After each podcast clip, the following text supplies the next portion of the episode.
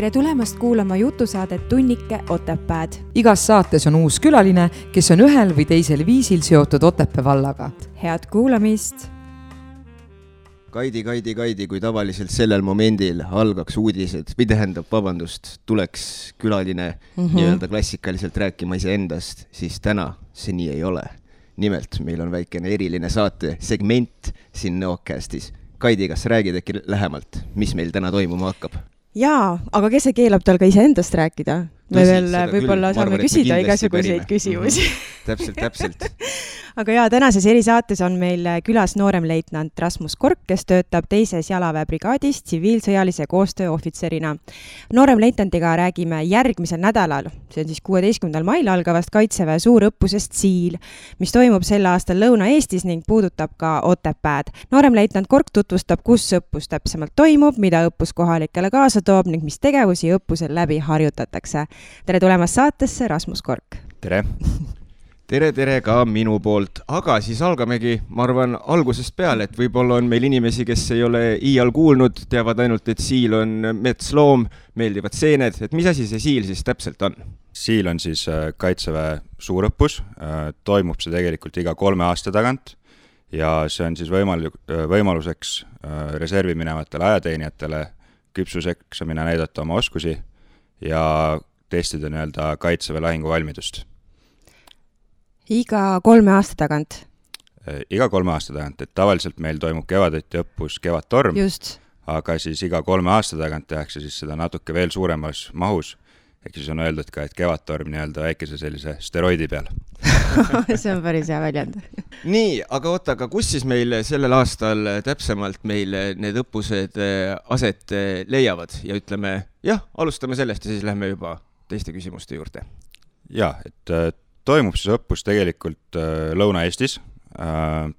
seal on nii-öelda, tegelikult õppusel on äh, mitu faasi, võib-olla ma räägiksingi nii-öelda faaside kaupa, et tegelikult äh, koosneb see kolmest faasist, algab see siis tegelikult äh, nii-öelda brigaadide juhtimisvõime saavutamisega, ehk siis saabuvad reservväelased, nad on vaja kõigepealt panna riidesse, anda neile relvad käia uuesti laskmas, tuletada vanu oskusi meelde ja, ja just nimelt, et siis selline juhtimisvõime saavutamine äh, toimub nii-öelda kuueteistkümnendast maist kuni kahekümne teise mai, äh, maini, misjärel siis suunduvad üksused oma operatsioonialadele, mis sellel aastal on peamiselt siis ütleme nii, et sellisel väikse Emajõe joonel ja peamiselt Valgamaal Äh, teises faasis, äh, mis algab siis kahekümne kolmandast maist, kestab kahekümne kuuenda maini, äh, viiakse siis läbi op-, sõjalisi operatsioone ja viiakse seda läbi siis rahvusvahelises nii-öelda raamistikus, ehk siis lisaks meie enda üksustele on siis meiega kaasatud ka liitlasüksused. ja, ja kui see on läbi, kahekümne kuuendal mail, siis reservväelased saavad nii-öelda minna lahku formeerima, Äh, oma asjad tagasi ja tagasi tsiviil, tsiviilelu juurde ja äh, ajateenijad äh, suunduvad siis Tapale lahinglaskmistele. ja see kestab siis kui kaua? kuni kolmanda juunini no igal juhul sinu jutus on väga palju selliseid termineid, millest minul ei ole nagu, ma olen ilmselt kuskilt kuulnud, aga ega see väga mulle nagu midagi ei ütle. et äh, mis see siis tavainimese jaoks nagu tähendab, et need inimesed, kes sellesse õppusesse kaasatud on, nemad siis igapäevaselt ei ole praegusel hetkel aega teenimas, et need on nagu siis tavainimesed, kes siis kutsutakse nagu taas õppusele või? õige, kui nüüd ütleme nii, et äh, Eesti Kaitseväe selline selgroog on tõesti äh, reservväelased, siis nemad on hiljuti siin mõne aasta jooksul ajateenistuse lõpetanud inimesed, kes praegu siis kas käivad tööl mm, -hmm. koolis, tegelevad millegi muuga ja nemad siis õppuse ajaks äh, kutsutakse äh, reservõppe kogunemisele ja saavad nii-öelda oma teadmisi värskendada. kas neid inimesi kokku saada on keeruline, selles suhtes, et kas see on tegelikult äh, äh, reservväelasele siia, et kas see on talle kohustuslik või on see nagu pigem vabatahtlik? Äh, tegelikult see on kohustuslik mm. -hmm. loomulikult seal on äh, erandeid just nimelt, nagu ma ütlesin, et paljud, paljud reservväelased näiteks õpivad ülikoolis, eksamite aeg on arusaadav, aga, aga üldiselt jah, et see on ikkagi nii seaduslik kui ka tegelikult mingis mõttes moraalne kohustus nendest õppustest ikkagi osa võtta aga see on kohustuslik siis nendele, kes on kunagi Kaitseväes käinud, et kui ei ole Kaitseväes käinud, siis need, need mehed siis nagu saavad kevadet nautida, ma saan aru, jah? jah, need mehed saavad praegu kevadet nautida tõesti kui palju umbes on eeldatav arv, mis, kui palju mehi kokku tuleb? Äh, kokku õppusel äh, osaleb äh, umbes viisteist tuhat sõdurit, et nendest reservväelasi on kuskil kaheksa tuhat, ajateenijaid umbes kolm tuhat ja, ja siis mõned tuhanded ka liitlasvägesid. no minu jaoks tundub see viisteist tuhat muidugi maru palju, aga kui me näiteks korraks ma ei tea, mõtleme sellele, mis Ukrainas toimub, siis äh, ma saan aru, et selle viieteist tuhande mehega, kui peaks Eestisse sõda tulema, ei tee ilmselt midagi ära, jah äh,? ei, mina ütleksin, et teeb küll tegelikult oh,, mm -hmm. et äh, kui me vaatame nii-öelda Eesti sellist geograafilist asendit, et meil on siin äh, väga palju, ütleme nii, et äh, suur osa riigiperes, äh, riigimerest on kaetud merega, meil on samuti Peipsi järv, et tegelikult neid sissepääsusuundi ja meie maastik nii-öelda tingib selle, et me ikkagi tegelikult äh, jah, tõesti päris sadat tuhandet meest võib-olla ei pea, pea kohe välja panema. aga et kui reservväelane nüüd äh, tuleb kohale, on saanud nii-öelda see esimene faas on siis läbi, kust ma saan aru, et nii-öelda saad oma äh, varustuse kätte ja siis nii-öelda need juhised, et mis siis täpsemalt sinuga juhtuma hakkab. et kas võib sellest ka rääkida, et mida reservväelane seal siis täpsemalt nagu oodata võib, et mis ta mis ta tegema nii-öelda hakkab, kui nii-öelda täpsemalt läheneda või on see selline saladus ja üllatus kõigile? ei, see ei ole saladus ja tegelikult ega reservõppe kogunemistel on reservväelased kindlasti veel käinud, et paljude jaoks ei ole see esimene kord. et äh, tegelikult äh, ütleme nii, et reserv, reservväelase jaoks on tõesti drill on tavaliselt teada, et äh, algab sellise nii-öelda varustuse saamiseks äh,, suundutakse väljaõppealadele, kus siis äh, ütleme nii, et mis on praegu paljude reservväelaste jaoks uus asi on see, et Kaitseväkke on tulnud uued käsitulirelvad. et kui nad varem äh, tõenäoliselt kasutasid nii-öelda AK-neljasid näiteks mm -hmm. enda automaatrelvadena, siis nüüd, nüüd on meil äh, uued relvad nii-öelda, mis tuleb nüüd reservväelasel tegelikult selgeks õppida uuesti kiiresti. ja, ja., just nimelt viia läbi nendega laskmised, panna nii-öelda sihikud paika, tuletada mingid erialased teadmised meelde ja sealt siis edasi juba tegelikult nii-öelda oma allüksuse koosseisus äh, selliseid lahinguülesandeid täitma aga milleks loomulikult selline... õppuse kontekstis, mitte, mitte päriselt. et kedagi, et seda ma võin jah öelda, et kedagi Ukrainasse ei saadeta. vot ma mõtlengi, et äkki kuulajatel äh, võib tekkida selline küsimus ja võib-olla ka nendel inimestel, kes siis äh, seal piirkonnas võib-olla elavad või äh, kuidagi nagu liiguvad, et miks selline õppus üldse vajalik on, et kas see on tingitud praegu sellest olukorrast, mis Ukrainas on või, okei okay,, ma saan aru, et sa ütlesid, et see toimub iga kolme aasta tagant, aga jaa, tegelikult äh, sellist otsest äh, seost nüüd äh, selle õppuse ja, ja Ukraina sündmuste vahel kindlasti ei ole mm. -hmm. et tegelikult nii, kui üks siil läbi saab, mis viimane lõppes siis kaks tuhat kaheksateist, siis hakatakse juba planeerima tegelikult järgmist, et see on olnud kavas juba, juba ammu.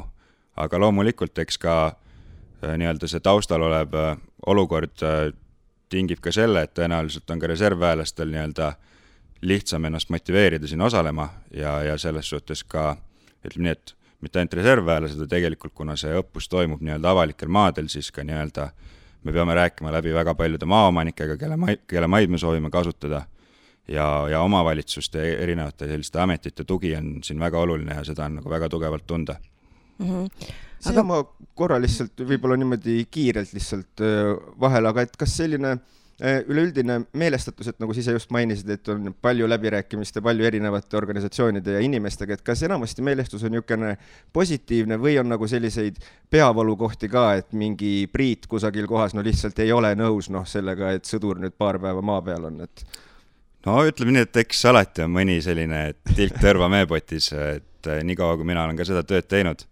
aga ütleme nii, et üldine toetus tegelikult ka juba nii-öelda enne neid Ukraina sündmusi, et tegelikult on alati olnud vähemalt siin Lõuna-Eestis väga, väga tugev ja toetav. et, et suure, suurem osa, et me ikkagi nii-öelda saame maaomanikega kokkuleppele, et kui me saame selliseid nii-öelda eitavaid vastuseid, siis see on tavaliselt ikkagi ratsionaalsetel põhjustel, et tõesti mm, -hmm. kas on mingid kariloomad väljas või, või noh, kus on päris põhjus taga, et et päris sellise kiusu pärast, et, et see on nüüd minu maa ja keegi siia ei tule, et sellist, sellist on nagu väga vähe, väga oh, lahe. seda on, seda on hea kuulda, seda on hea kuulda. mina küll mäletan, see oli mingi viisteist aastat tagasi, ma arvan, võib-olla natukene vähem.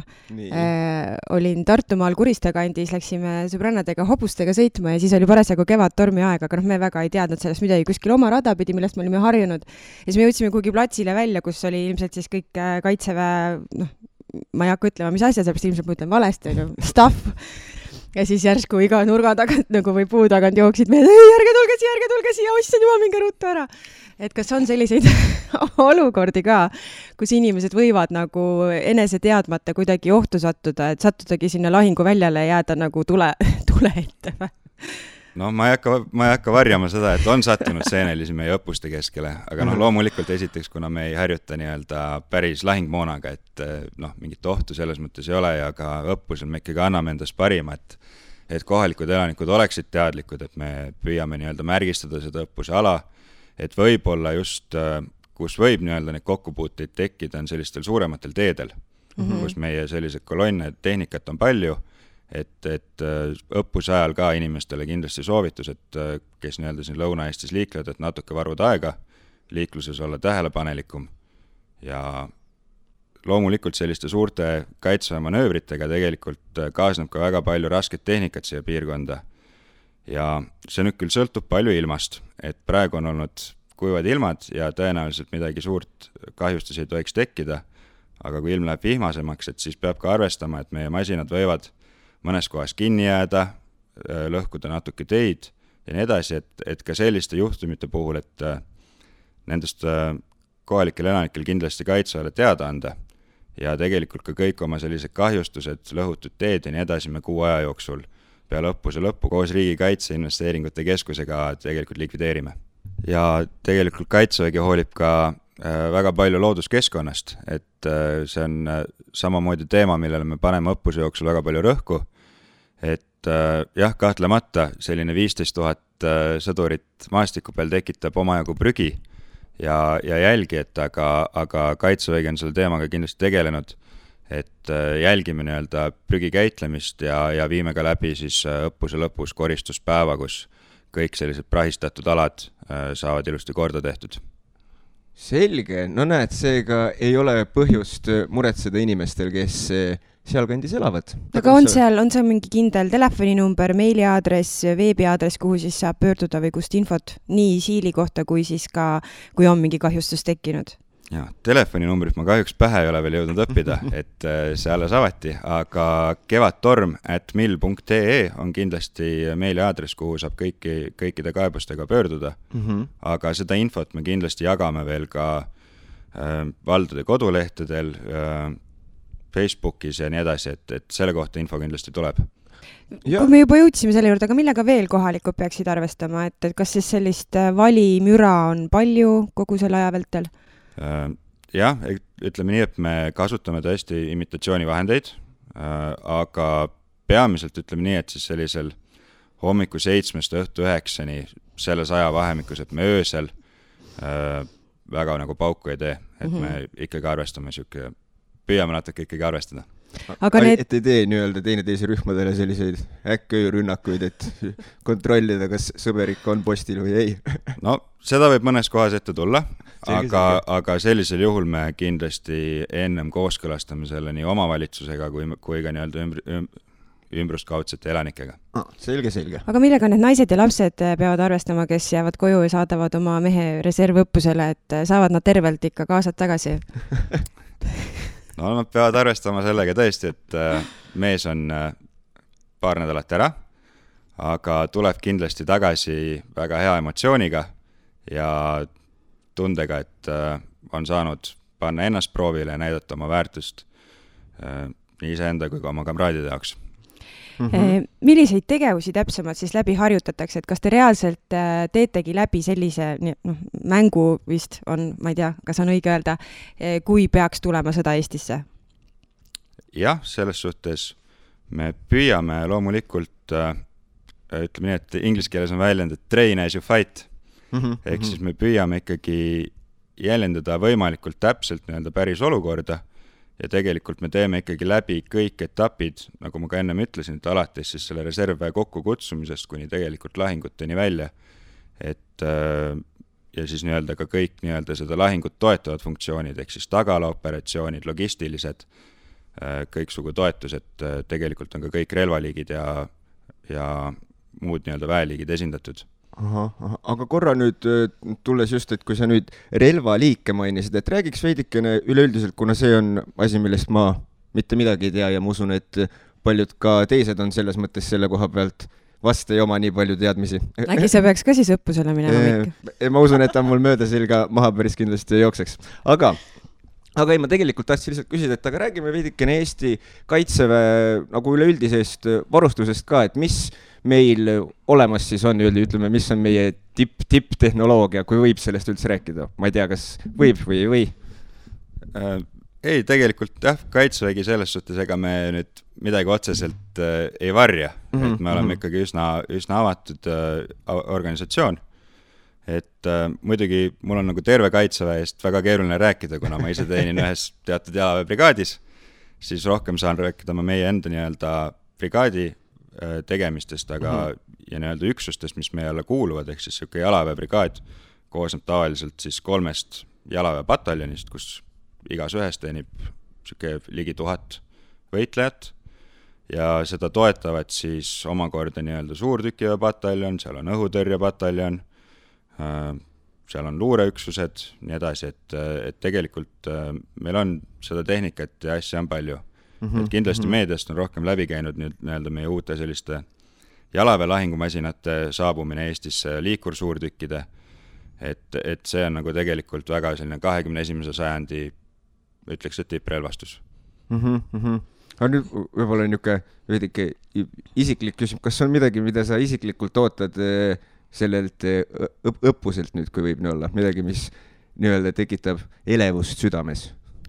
no ma arvan, et see õppus peaks tekitama elevust äh, iga kaitseväelase südames, et mm., et tegelikult selline võimalus äh, harjutada tegelikult ka näiteks jalaväebrigaadi jaoks, mis on viis tuhat, kus on viis tuhat liiget, et päriselt nüüd kõik kokku tulla ja harjutada päris tegevusi äh, üksteisega koos, rahvusvahelises raamistikus koos NATO liitlastega, et see on tegelikult väga harukordne võimalus ja ma arvan, et see on selline asi, mille üle on iga kaitseväelane on praegu tänulik mm. -hmm. aga Rasmus, sa oled noorem leitnant, mida see tähendab ja mida selleks peab tegema, et selleks jõuda või saada?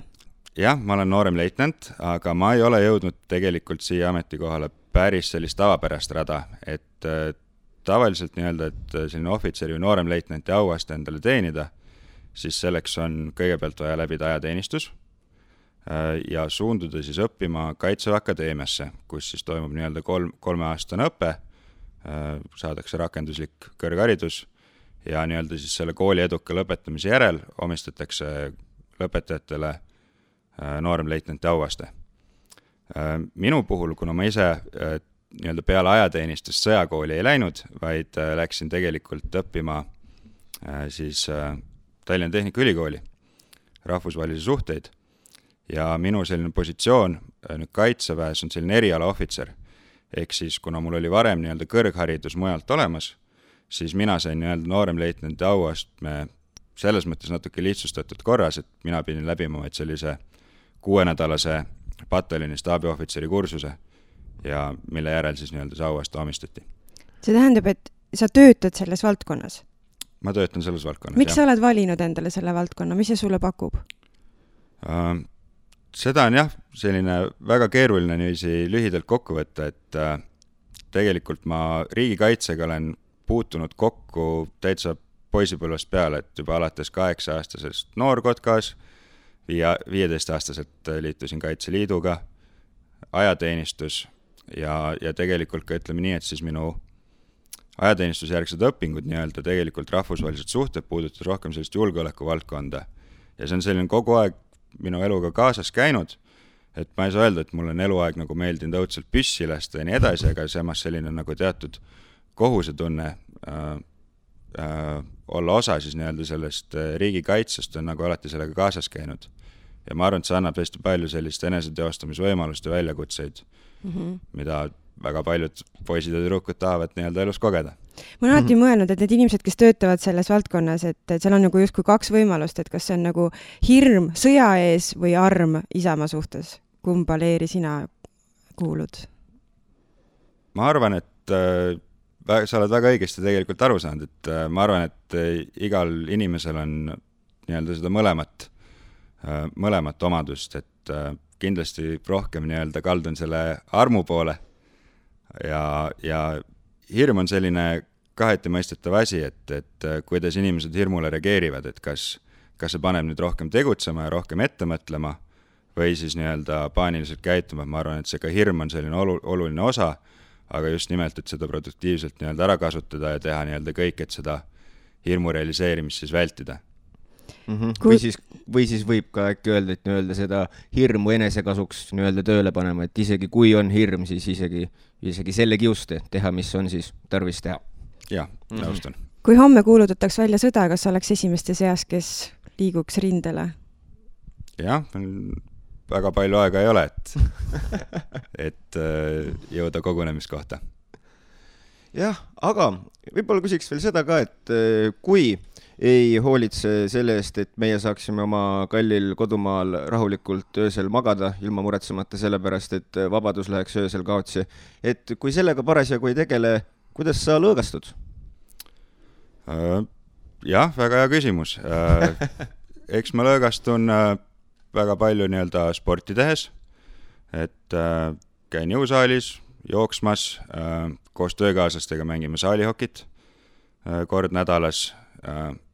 Hiljuti avastasin enda jaoks ka body balance'i oh, päriselt, kuna, kuna ka minu töö on selline natuke istuvat sorti ja tihtipeale kontoritoolis, et siis tundsin, et rüht hakkab ära vajuma ja, ja leidsin väga palju abi ah,. kas keegi võiks mulle paari sõnaga öelda, mis asi on body balance?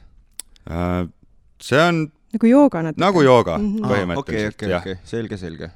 kuna meie aeg hakkab äh, täis tiksuma, siis kas sul on endal mingi mõte või teema, millega sa täna siia tulid, mida me näiteks ei ole jõudnud avada või ei ole osanud lihtsalt võib-olla teadmatusest küsida äh,?